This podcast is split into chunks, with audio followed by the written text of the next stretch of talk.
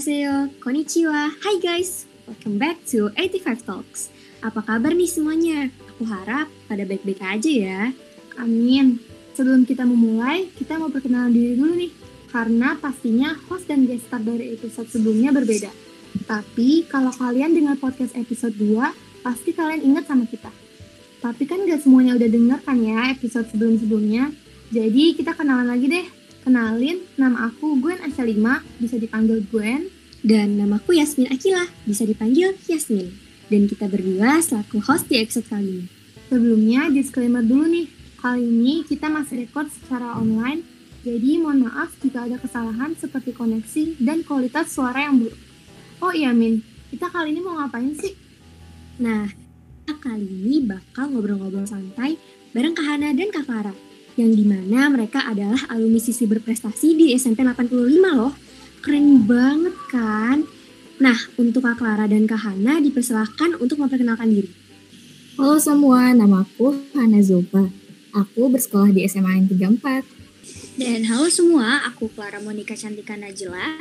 Sekarang aku bersekolah di SMA N 28 Jakarta. Wih, keren banget masuk 34 sama 28. Oh iya, for your information, Kak Hana dan Kak Clara pernah menjabat sebagai inti MPK dan OSIS loh. Betul nggak nih Kak? Bener dong. Ya nggak Han? Bener banget. Widih, keren-keren. Kalau boleh, kasih tahu dong Kak, pernah menjabat sebagai apa? Uh, kalau aku, sekretaris 2 di MPK. Kalau aku pernah menjabat dua periode. Periode pertama aku menjadi Sekbid 9 dan periode kedua aku menjadi bendahara dua OSIS. Wow, udah siswa berprestasi, jadi inti MPK OSIS juga. Keren parah sih. Nah, selanjutnya kita mau nanya-nanya nih ke Kak Clara dan Kakak Hana.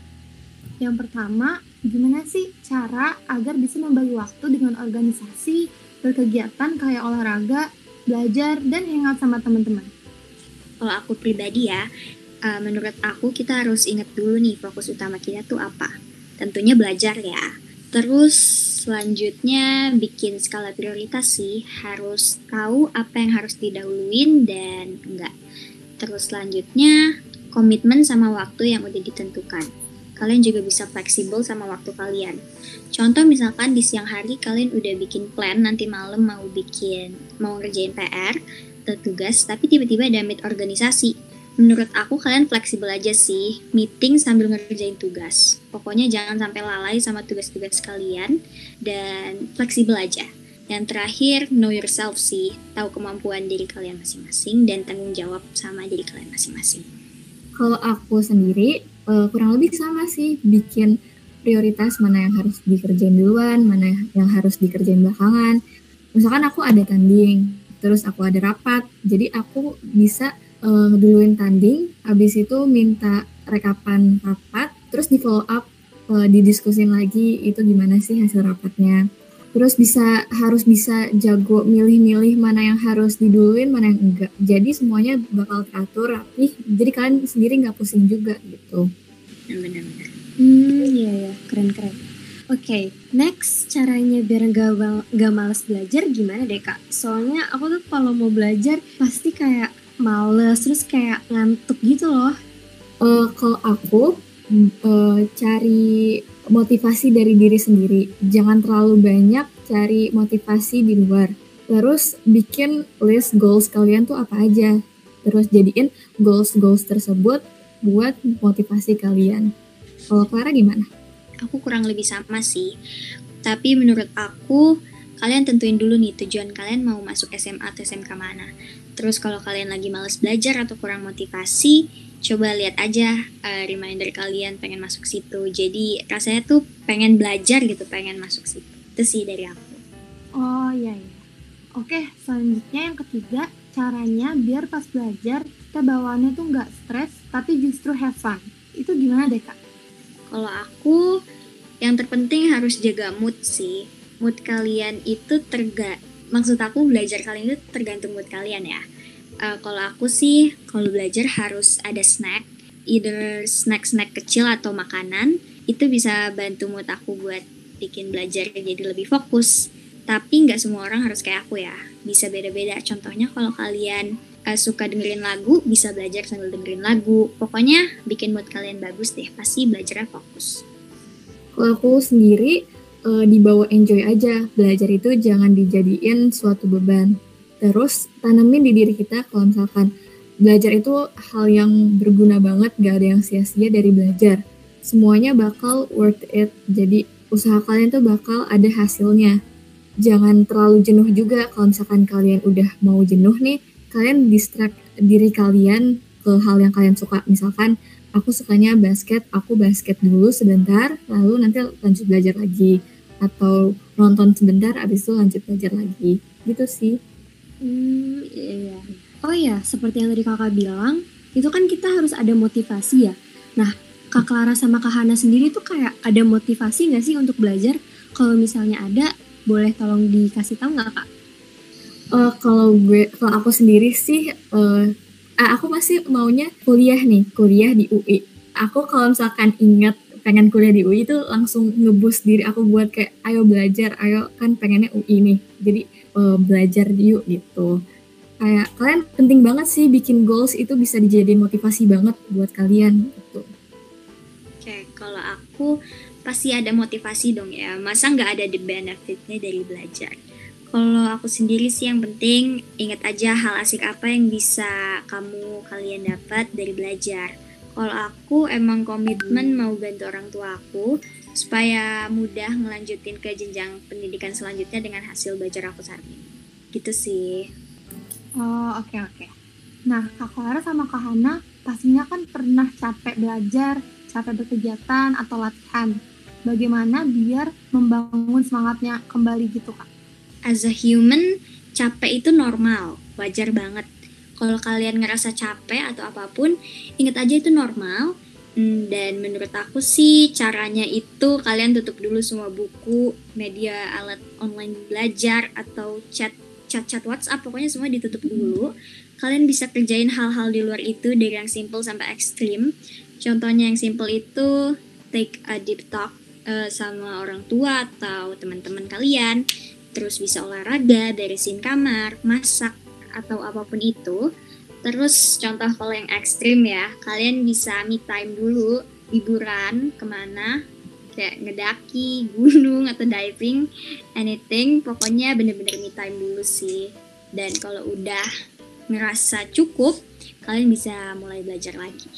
Gitu sih dari aku. Hana aku setuju banget. Aku setuju banget sih sama Clara. Kita tuh pasti capek, nggak bakal nggak capek. Kita itu manusia. Jadi caranya ya take some rest. Kalian butuh istirahat juga, nggak bisa terus-terus dipaksain. Uh, misalkan bisa distract juga ke yang lain. Misalkan uh, kerjain hobi kalian atau ya bener banget me time dulu atau refreshing dulu, healing dulu gitu sih jadi balik lagi nanti bakal balik lagi moodnya buat belajar wah aku setuju banget sih sama Kak Hana sama Kak Clara oke selanjutnya Kak Hana sama Kak Clara tuh kayak ada nggak sih kata-kata atau motivasi buat siswa atau siswi yang mau ambis motivasi apa ya paling eh, jangan nyerah jangan putus asa pokoknya usaha terus semua hal yang kita usah udah usahain tuh pasti insya Allah di depan bakal ada hasilnya. Intinya tuh fokus, serius, sama enjoy aja. Terus jangan lupa jalur langitnya tuh penting banget. Doa ibadah itu hal yang paling penting sih. Bener-bener. Kalau aku sih, yang penting ask yourself, tanya ke diri sendiri, kalian itu belajar sama sekolah itu tujuannya apa sih? Mau di mana dan mau dibawa ke mana hasil proses belajar uh, kita nantinya pokoknya dibawa enjoy jangan lupa berdoa dan terus berusaha sih dari aku oke makasih nih kak buat kata-kata motivasinya nah kita juga penasaran nih gimana sih perasaannya kakak Clara dan kak Hana menjadi salah satu 10 besar siswa berprestasi kalau aku sih alhamdulillah bersyukur banget sama Allah Subhanahu wa taala tapi sebenarnya peringkat 10 besar itu cuma bonus buat aku intinya itu sih proses belajar ya atau penguasaan kita terhadap materi pelajaran. Jadi buat kalian semua nggak usah kayak nentuin aku harus 10 besar, aku harus apa. Pokoknya itu cuma bonus at the end of the day. Jadi kalian fokus aja belajar dan usahain yang terbaik yang kalian bisa. Kalau aku bener sama banget sama Clara. Alhamdulillah aku dapat 10 besar siswa berprestasi non akademik. Senang banget sih. Itu tuh bener banget jadiin bonus aja buat kita. Proses yang paling penting, usaha yang paling penting. Itu tuh kayak jadi self rewards tersendiri, tapi balik lagi usaha yang paling penting. Senang banget sih pokoknya. Hmm, iya iya. Pasti orang tua, keluarga Kak Hana dan Kak, Clara bangga banget. Aku aja sebagai dekel bangga juga punya kakak kelas kayak Kak Clara sama Kak Hana. Oke, okay, next. Di mana aja Kak Hana dan Kak Clara belajar? Siapa tahu belajar di kafe biar nambah semangat gitu. Kalau aku nih ya, kalau aku jarang banget, jujur jarang banget buat uh, belajar di luar rumah kayak di kafe atau di perpustakaan atau di tempat-tempat working space gitu. Aku jarang banget. Aku selalu di rumah karena menurut aku di rumah itu lebih fokus di kamar sendiri itu lebih fokus terus kalau misalkan udah keluar tuh kalau pikiran aku tuh kayak udah ke mana-mana gitu jadi aku lebih suka di rumah sih kalau Farah gimana? Aku setuju sih mungkin cara aku cara belajar aku sama Hana sama ya aku nggak bisa banget kalau di tempat rame gitu aku harus sendirian fokus biar fokus tuh aku harus sendirian dan suasananya tuh harus tenang jadi aku kalau belajar di dalam kamar sendirian gitu aku nggak terbiasa di tempat-tempat umum gitu. Oke, okay. nah setiap orang kan punya cara belajar yang berbeda-beda nih. Kalau menurut Kak Hana dan Kak Farah, cara belajar kalian gimana? Uh, kalau aku sendiri, aku sering latihan-latihan soal ya. Tapi sebelum latihan soal, penting banget buat kalian pahamin dulu materinya, nggak langsung-langsung latihan gitu. Pokoknya pahamin materi, terus latihan-latihan soal, dan sebenarnya ini udah diterapin sama Bapak Ibu guru di 85 sih ya. Sering dapat banyak latihan soal kan di 85. Nah, dari situ aku mulai ke bawah selalu ngerjain latihan soal, ngepahamin materi dan itu aku ulangin terus. Gak tiap malam sih, ya tiap minggu lah at least belajar. Dan paling kalau aku nggak paham aku bisa nanya ke temen atau ke guru les. Itu sih dari aku. Hana gimana? Kalau aku sih uh, bikin list dulu apa yang harus dipelajarin, terus materi materi-materinya apa, terus baru ngumpulin semua materi, terus soal-soal. Habis itu aku bikin rangkuman, tapi kalau aku jujur aku biasanya kan orang-orang dirangkum tuh dicatat ya, kayak semuanya dicatat di buku tulis. Kalau aku kurang bisa dengan cara itu, di aku tuh kurang efektif. Jadi aku semua ketik di laptop, baru aku ulang-ulang lagi aku baca-baca lagi aku hafalin. Terus bener sih kata Clara latihan itu latihan soal itu penting banget. Jadi sering-sering latihan soal. Itu deh. Hmm, keren banget sih cara belajarnya Kak Hana sama Kak Clara. Next berapa lama sih kayak Kak Hana sama Kak Clara belajar per hari atau mungkin per minggunya? Aku sendiri tergantung materinya. Kalau misalkan banyak. Aku bisa sampai malam kalau misalkan materinya sedikit dan mudah bisa sejam atau dua jam. Aku nggak selalu belajar tiap hari kok. Aku ada restnya sehari atau beberapa hari. Terus kalau tapi usahain belajarnya tuh dicicil gitu apalagi kalau misalkan mau ulangan. Usahain banget jangan SKS biar materi semuanya tuh tuntas. Nggak SKS juga bisa menjaga kondisi tubuh kita kan. Jadi jangan SKS deh lebih baik dicicil semua kalau Clara gimana? Bener sih aku setuju nggak usah SKS ya. Dan kalau aku sendiri aku nggak nentu ya berapa lama belajarnya karena jujur aku ngikutin mood aku. Kalau misalkan aku lagi mood belajar, aku bisa nyambat sekaligus beberapa materi gitu. Tapi kalau lagi nggak mood ya, at least aku harus belajar satu materi yang besok bakal dipelajarin gitu. Tapi basically selama kita sekolah di 85, everyday itu belajar nggak sih Han? Kebayang gak sih iya. tugas numpuk kalau nggak dikerjain? Bener banget. Dan sebenarnya itu bermanfaat banget yang aku rasain kan, karena sekarang kita selalu uh, di dalam phase yang lebih tinggi, jadi kita kayak udah terbiasa gitu kalau ada tugas banyak. Bener. Jangan nunda-nunda sesuatu hal deh pokoknya. Tujuh. Oke. Nah, setiap orang kan juga pastinya punya pelajaran yang paling disukai. Kalau pelajaran yang paling disukai Kak Clara dan Kak Hana apa? Berikan juga alasannya ya. kalau aku sih aku tuh gampang pelupakan ya. Jadi aku nggak suka yang kayak ngafal-ngafalin gitu. Aku paling suka matematika sama bahasa Inggris. Karena kalau matematika nggak perlu ngafalin rumus sih menurut aku. Kayak tinggal hafal tinggal kayak pahamin aja. Dan itu sendirinya bakal keinget aja gitu selamanya dan kalau English udah gimana ya? Aku emang suka aja English gitu. Hana gimana? Kalau aku IPA sama bahasa Inggris. Kalau IPA tuh eh, aku sering eh, aku suka banget karena IPA tuh kayak nge-explore sesuatu. Kalau misalkan kalian belajar IPA pasti dapat sesuatu hal yang baru. Aku suka banget itu. Terus sama sama bahasa Inggris. Kalau English tuh karena udah jadi suatu keseharian aja terus googling pakai bahasa Inggris kalau baca novel pakai bahasa Inggris jadi ya aku suka sih suka banget Wih, keren banget sih pelajaran yang disukain sama Kak Clara sama Kak Hana. Oh iya, Kak Clara sama Kak Hana itu kayak ikut bimbel di luar sekolah gitu gak sih? Kalau aku, eh, kalau aku SMP, aku nggak ikut bimbel, tapi aku manggil guru, guru private. Jadi kalau misalkan ada materi matematika atau materi IPA yang aku kurang paham, aku panggil guru private, terus latihan soal sama eh, di- bakal dijelasin lagi materi MTK tersebut gitu. Kalau Clara gimana Iya, nggak? Aku waktu SMP nggak bimbel aku kebanyakan les private sama belajar-belajar sendiri aja sih kalau les private aku paling bahas-bahas soal sama latihan soal selebihnya aku belajar sendiri Oh gitu ya kak. Nah kita juga mau nanya nih, ada nggak sih perbedaan pas belajar saat masa SMP dan masa SMA? Misalkan pas SMA Kak Clara dan Kak Hana jadi lebih rajin. Eh, jujur kalau aku sendiri sama aja sih.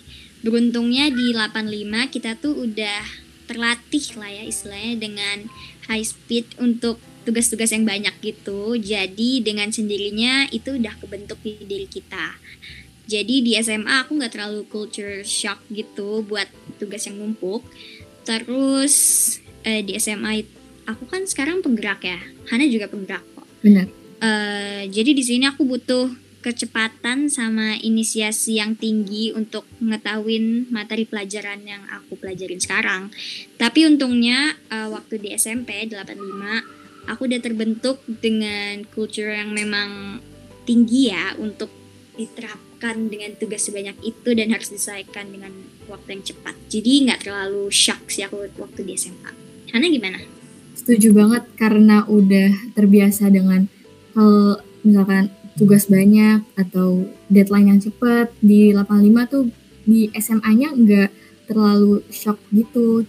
Tapi eh, di SMA tuh harus lebih-lebih lagi. Misalkan kalian yang awalnya belajar cuman beberapa cuman seminggu beberapa kali harus ditambahin lagi. Terus di SMA tuh harus lebih mandiri lagi. Kayak kalian harus sadar misalkan ada tugas ini terus nggak boleh ditunda-tunda sama sekali karena bakal numpuk dan jadi pusing sendiri. Terus kalian harus lebih-lebih rajin lagi pokoknya tuh di SMA tuh harus lebih-lebih karena goals kalian tuh udah di depan mata. Kuliah kalian tuh udah ditentuin dari gimana kalian di SMA gitu sih. Hmm, ya, ya benar. Keren juga ya 85 udah bisa ngelatih tugas-tugas banyak jadi kakak-kakaknya juga nggak terlalu shock. Oke, selanjutnya menurut Kak Clara sama Kak Hana manfaatnya ngambis gini tuh apa deh? Eh kalau aku sendiri yang aku rasain itu dapat bonus bisa milih jalur pendidikan yang aku mau dan aku tuju dengan lebih mudah. Terus terbentuknya tanggung jawab sih, terus kebutuhan akan pendidikan diri aku sendiri. Terus eh, dapat self reward juga dari social life yang gak aku sangka, terutama bisa bikin orang tua aku bangga sama diri aku sendiri gitu sih. Kalau Hana gimana? Eh, bener banget. Kalau misalkan aku tuh nggak cuman dari nilai aja yang bagus In- alhamdulillah nggak cuman nilai doang. Bisa kita bisa socialize lagi. Misalkan kita bisa dapet teman ba- banyak loh dari kita ngambis terus ngambis itu nggak cuman dapet pelajaran buat di sekolah aja tapi bisa kayak lebih disiplin lebih bertanggung jawab dan lain-lain. Oke, by the way kita udah ngobrol cukup lama juga ya. Sebelum episodenya berakhir, kita mau berterima kasih kepada Kak Hana dan Kak Clara karena udah mau jadi guest star di episode 85 Talks kali ini. Saya juga mau berterima kasih banyak buat kalian yang udah mau dengerin podcast 85 Talks di waktu luang kalian atau bahkan ngeluangin waktu buat dengerin episode kali ini. Kalau kalian ada punya kritik atau saran yang kalian mau sampein, kalian bisa kirim di Koran Adeline alias Kotak Saran Anak 85 Online yang ada di link bio Instagram mpkosis underscore 85JHS. Eh, eh, eh, aku ada pantun nih sebelum kita tutup episode kali ini. Tolong bilang cakep ya. Buah nanas, buah ceri. Cakep. Dicampur gula, enak sekali. Cakep. Cukup sekian episode kali ini. Semoga bisa bertemu kembali. Bye everyone! Bye everyone.